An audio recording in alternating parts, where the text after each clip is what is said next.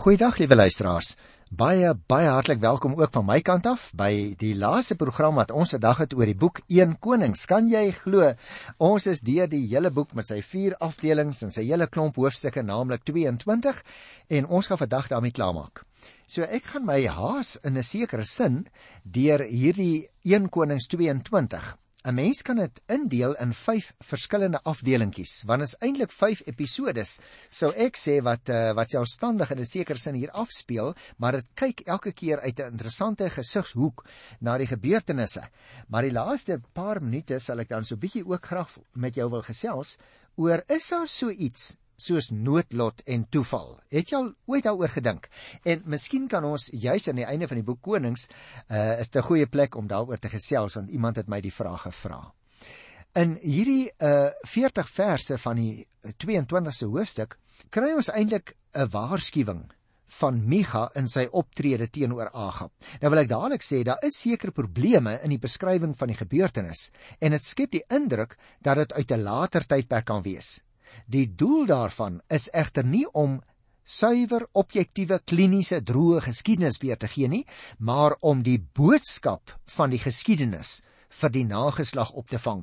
Jy sal onthou toe ek destyds gepraat het oor die inleiding en gepraat het oor die gesag van die woord van die Here, toe het ek juis dit uitgewys dat daar uh, in die Bybel verhale gevind word, ook geskiedenis vertel word met die oog op 'n boodskap. En dit sien 'n mens hier baie duidelik. So ek wil oor die eerste uh, 14 verse, die eerste afdelingkie, uh miskien net 'n paar opmerkings maak, want dit handel hier oor oorlogsplanne en die hofprofete.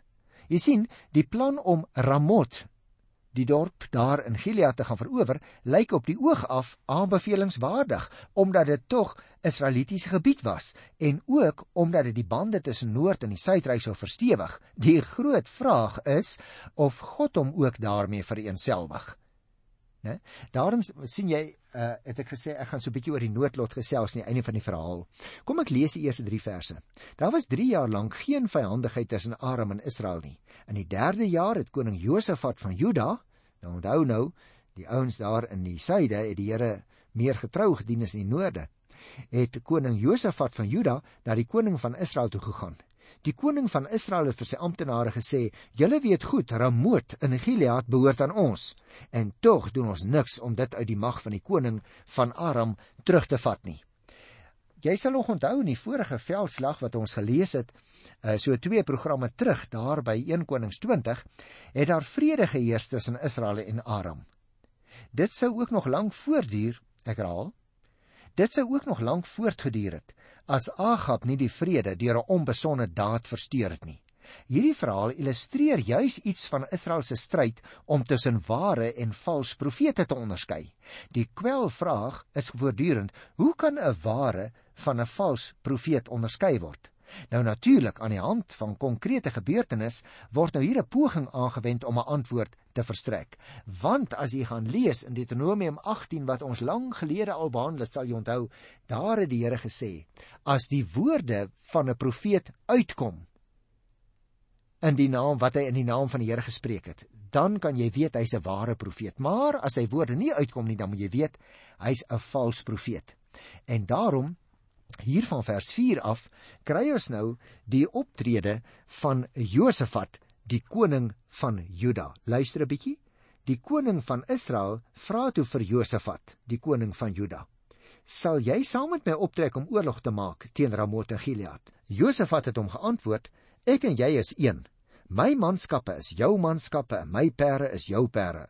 Maar het Josafat verder vir die koning van Israel gesê: raadpleeg net eers die Here. Die koning van Israel het toe die profete bymekaar geroep omtrent 400 van hulle en hulle gevra: "Moet ek teen Ramot in Gilead gaan veg of moet ek laat staan?" Hulle het geantwoord: "Gaan gerus. Die Here gee die stad aan die koning oor." Josef het egter gevra: "Is hier nie nog 'n profeet van die Here dat ons hom ook kan raadpleeg nie?"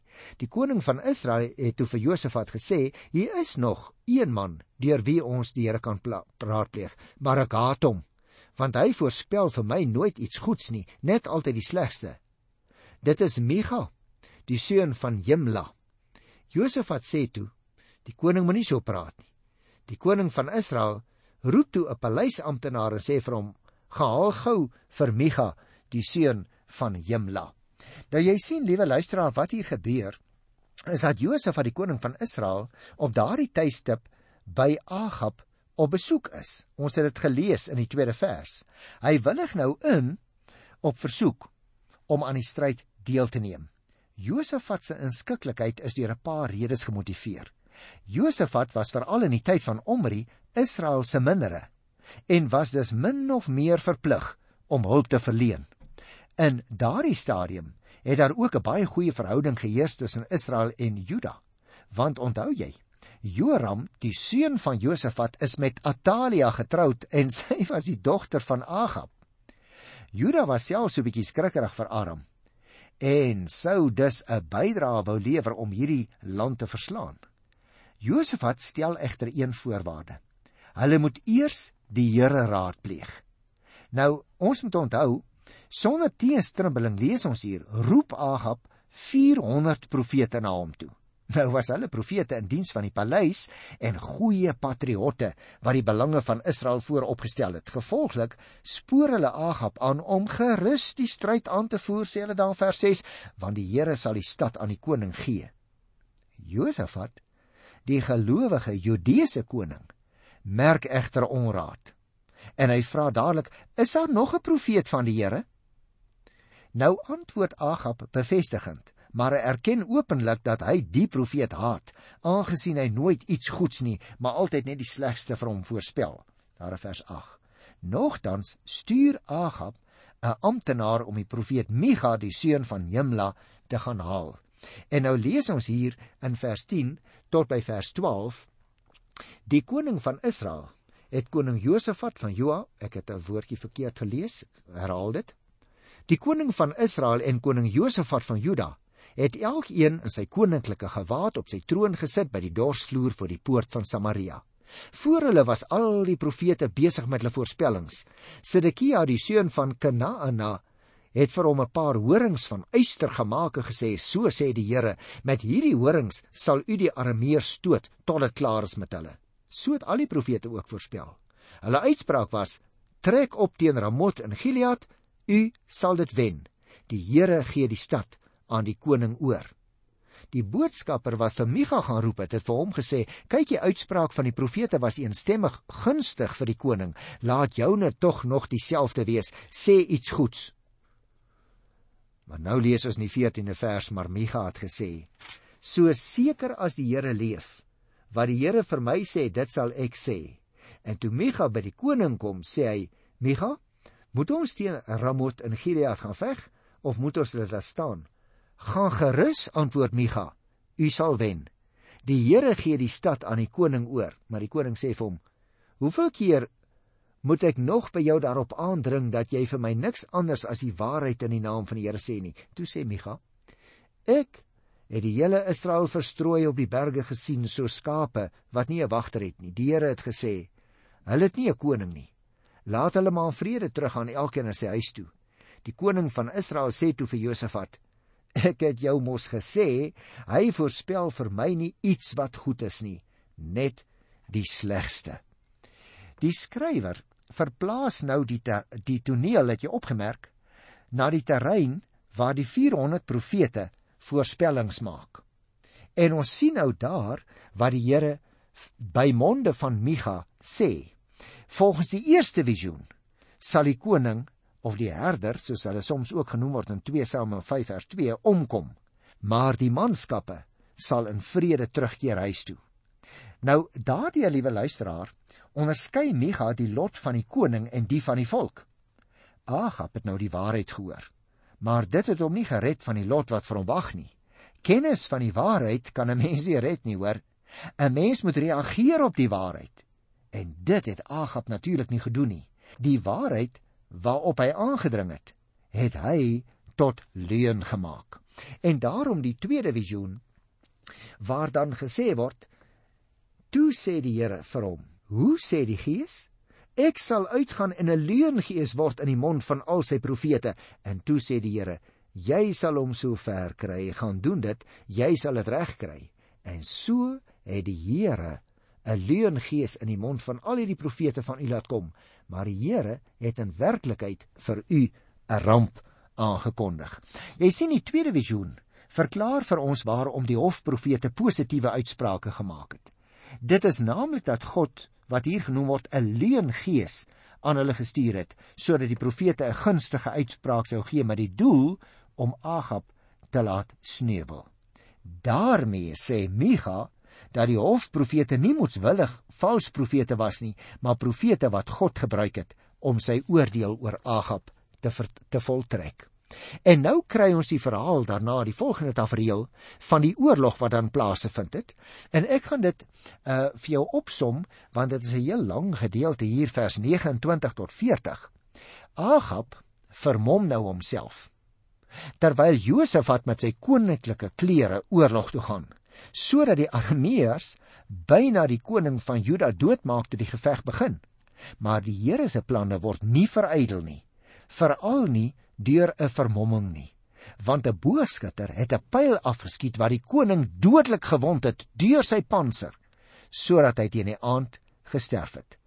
Wat Elia voorspel het in hoofstuk 21 vers 19 het dus waar geword oor Ahab. Die vertelling, luisteraar, lyk vir my, wil dit juis duidelik stel dat hoe lofwaardig sekere nasionale doelwitte ook al mag lyk, dit nie sommer met godsdienstige sanksionering gesteun kan word nie. God is nie noodwendig medewerker aan dinge wat selfs vanuit etiese hoek regverdigbaar lyk nie. God het sy eie raadsplan en dit kan anders wees as jou en my begeertes. Daarom mag geloof in God nooit wees net ter wille van wat jy en ek daaruit kan haal nie, maar ter wille van die Here alleen. En daarom kry mens in 'n sekere sin so bietjie van 'n addendum hier in die 41ste vers tot by vers 51.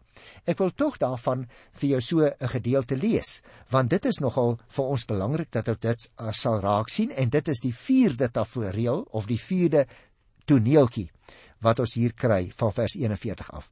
Koning Josafat van Juda. Josafat die seun van Asa het koning van Juda geword in die 4de regeringsjaar van die koning Agab van Israel. Josafat was 35 jaar toe hy koning geword het oud en hy het 25 jaar in Jerusalem geregeer. Sy ma was Asuba, 'n dogter van Silgi. Hy het die pad van Asa sy pa geloop en daar nie van afgewyk nie. Hy het gedoen wat reg was in die oë van die Here. Die hoogtes het egter nie verdwyn nie en die volk het nog steeds daarop offers gebring en wierook gebrand. Nou, liewe luisteraar, hierdie uh verhaal handel oor Josafat van Juda. Dit wil sê die Suidryk se regering en hy het regeer so van 871 tot uh, 847 voor Christus sou ek sê. Josafat het so sy pa Asa goeie dinge gedoen. Hoewel hy nie die populêre kultusplekke op die hoogtes kon afskaf nie, het hy tog die tempelprostitusie stopgesit. Hy het goeie betrekkings met die Noordryk gehandhaaf, maar sy handelsonderneming was nie so suksesvol soos die van Salomo nie. Wat belangrik is is dat hy die toets van die Bybelskrywer slaag, naamlik hy het die Here gedien. En dan die laaste kort perikoop, die 5de ene hier in 1 Konings 22, handel oor Ahasia wat koning word oor Israel. Ek wil dit lees, liewe luisteraar, want daarmee sluit die boek ook af. Ahasia Die seun van Ahab het in Samaria koning van Israel geword in die 17de regeringsjaar van koning Josafat van Juda. Hy het 2 jaar oor Israel geregeer. Luister nou mooi. Hy het gedoen wat verkeerd was in die oë van die Here. Hy het die pad geloop van sy pa en sy ma en van Jerobeam die seun van Nebat wat vir Israel laat sondig het. Hy het Baal gedien en aanbid.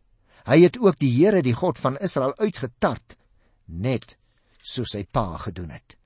Jy sien Ahasia het eintlik maar omtrent net 2 jaar geregeer.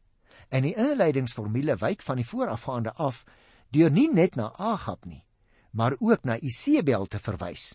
Die skrywer is met ander woorde duidelik met groot weersin vervul teenoor hierdie man wat die afskuwelike godsdienstige praktyke van sy pa en sy ma voortgesit het.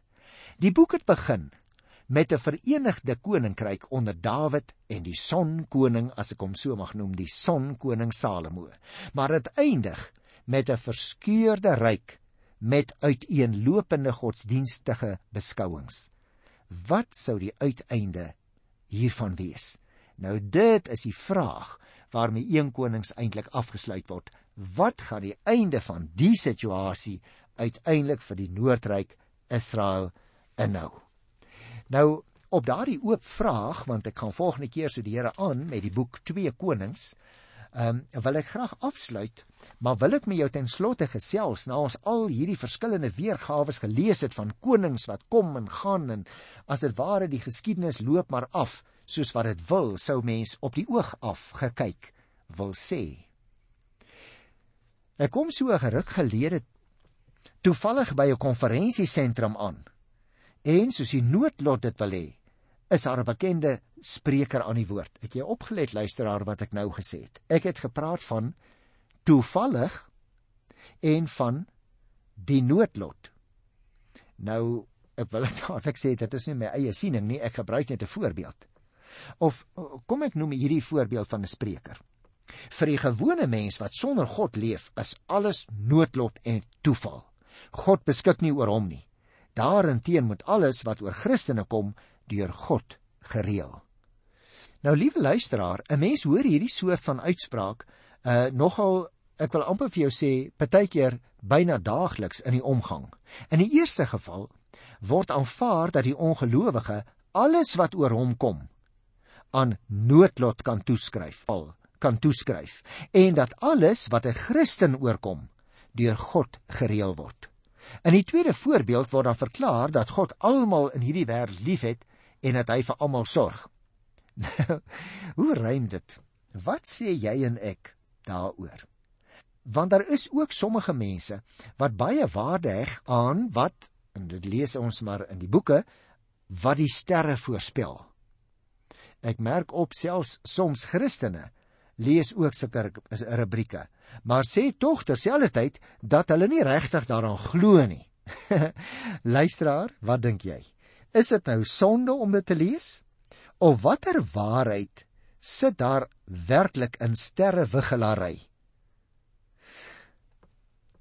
Ek sou so daarop wou reageer. Dit is so dat ons lees van die sterre in die Ou Testament veral. Maar die sterre word nie in die Bybel genoem as voorwerpe vir wetenskaplike nuuskierigheid nie. Hulle word bloot genoem as simbole van God se voorsienigheid en vrygewigheid. As jy byvoorbeeld gaan lees in Eksodus 32 by die 13de vers, dan sien jy die konteks. Daar noem die Here die sterre vir die aardsvaders as simbole van die groot nageslag wat hy in sy oorvloed vir hulle gaan gee. Ek sal julle nageslag so baie maak soos die sterre aan die hemel. En in Deuteronomium 1 vers 10 lees ons Moses het gesê: Die Here, julle God, het julle baie laat word en nou is julle net so baie soos die sterre aan die hemel. Interessant, die Bybel waarsku ons dan ook om nie ons hoop op die sterre te stel nie. Deuteronomium 4 vers 19 sê: Wanneer julle na die hemelruim opkyk, die son, die maan, die sterre, enige hemelliggaam, moet julle nie julle hoop op hulle vestig nie. Moet julle nie laat verlei om hulle te vereer en te dien nie.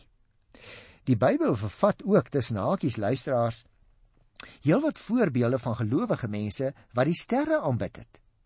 'n Enkele voorbeeld net uit Amos 5 vers 26 waar ons lees van die stergode wat die Israeliete vir hulle self gemaak het en dan herinner die Here hulle aan die ballingskap wat gaan volg juis as gevolg van hulle afgodery en dat hulle nie hulle vertroue op die Here gestel het nie maar op die sterre.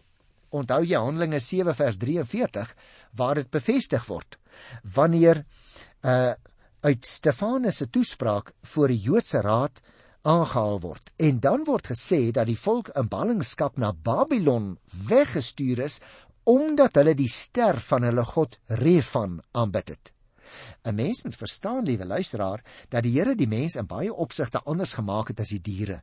Die vernaamste verskil is dat die mens 'n verantwoordelikheidsin het anders as die diere om die waarheid te sê. Die Here stel ons aan as heersers oor sy vingerwerk.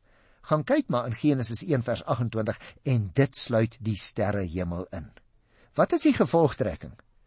Ons kan baie kort daaroor handel in die lig van die skrif. Die kind van God, liewe luisteraar, erken geen ander of hoër mag as die van God wat oor ons lewens regeer nie. As ek as gelowige dus nog ruimte gee vir 'n ander mag soos toeval of noodlot of noem dit wat u wil, dan erken ek dat daar nog 'n ander mag is oor my lewe. Die Bybel erken nie die bestaan van so 'n mag of 'n godheid nie. As ek dit sou sê, hierdie ding het maar toevallig oor my gekom, probeer ek gewoonlik om daarmee te sê dat ek nie die ding wat nou gebeur kan verstaan of verklaar nie. Ook wat jy en ek as toeval beskou, is alreeds opgeneem in die wil van God, selfs al hou ons nie van dit wat met ons gebeur nie. Kom ek noem vir jou voorbeelde. Ons aanvaar mos dat Moses nie toevallig in die mandjie gevind is nie. God het dit so bepaal. Dit is ook nie maar toevallig dat iemand 'n pyl afskiet en Agab die koning van Israel word dodelik getref nie. Daar in 1 Konings 22 vers 34 luister mooi luisteraar. Ook in dit wat jy en ek soms as in aanhalingstekens toevallig beskou ook daarin moet ons die belydenis dat God ons tye in sy hand hou. Met ander woorde ons erken nie daar is so iets soos toeval nie of ek nou van iets hou of nie die Here bly in beheer van my lewe. Nou dus teenoor die siening van die noodlot of toeval staan daar dus 'n ander beskouing, die voorsienigheid van God. Noem ons dit gewoonlik. God beskik oor heel my lewe. Of ek altyd verstaan wat die Here oor my lewe beskik. Nou ja, dit is 'n ander saak. Want die Here kan ook minder lekker dinge oor my lewe laat kom, nie waar nie? Kom ek noem 'n praktiese voorbeeld. My vrou kry kanker of my kind verdrink of my ouers skei. Het God dit so gereël? Of is dit toevallig dat dit oor my kom? Hoe sien ons dit? Interessant, liewe luisteraar, dat die belydenisskrifte van die kerk daaroor praat. In die Heidelbergse Katekismus antwoord 27 en ook in die Nederlandse geloofsbelijdenis wat deur die meeste kerke aanvaar word, in artikel 13 word daaroor gepraat. Dalk moet 'n mens liewer glad nie die woorde gebruik noodlot en toeval nie. Miskien moet ons liewer sê ek verstaan nie hoekom die Here dit of dat oor my lewe toegelaat het nie, maar hy is die Here en hy weet wat en hoekom hy dit of dat oor my lewe stuur of toelaat dat dit met my gebeur. En op die manier, liewe luisteraar, gaan daar ook wel van my 'n getuienis uit en van jou glo ek. Al verstaan ek nie altyd die Here se pad met my nie. Ons vertrekpunt is dus die voorsienigheid van God, nie die toeval of die noodlot nie. Daarom sê ons van die voorbeelde waarmee ons begin het, die volgende: Nee. God beskik nie net oor wat oor gelowiges kom en die noodlot beskik oor wat met die ongelowiges gebeur nie. Die Here beskik oor alle mense. En nee, luisteraars, dis nie noodwendig verkeerd om die sterre voorspel te lees nie maar is beter om dit nie te doen nie want dit is uit en uit spekulasie en ja ek moet sorg dat ek my verantwoordelikheid nakom dan sal ek ontdek baie dinge wat ek gedink het kom van die noodlot is dalk die tugtiging van die Here oor my lewe. Jy en ek erken geen ander mag oor ons lewens nie as behalwe die van ons koning Jesus Christus wat deur sy gees oor ons regeer Ek groet jou in sy wonderlike naam tot volgende keer. Totsiens.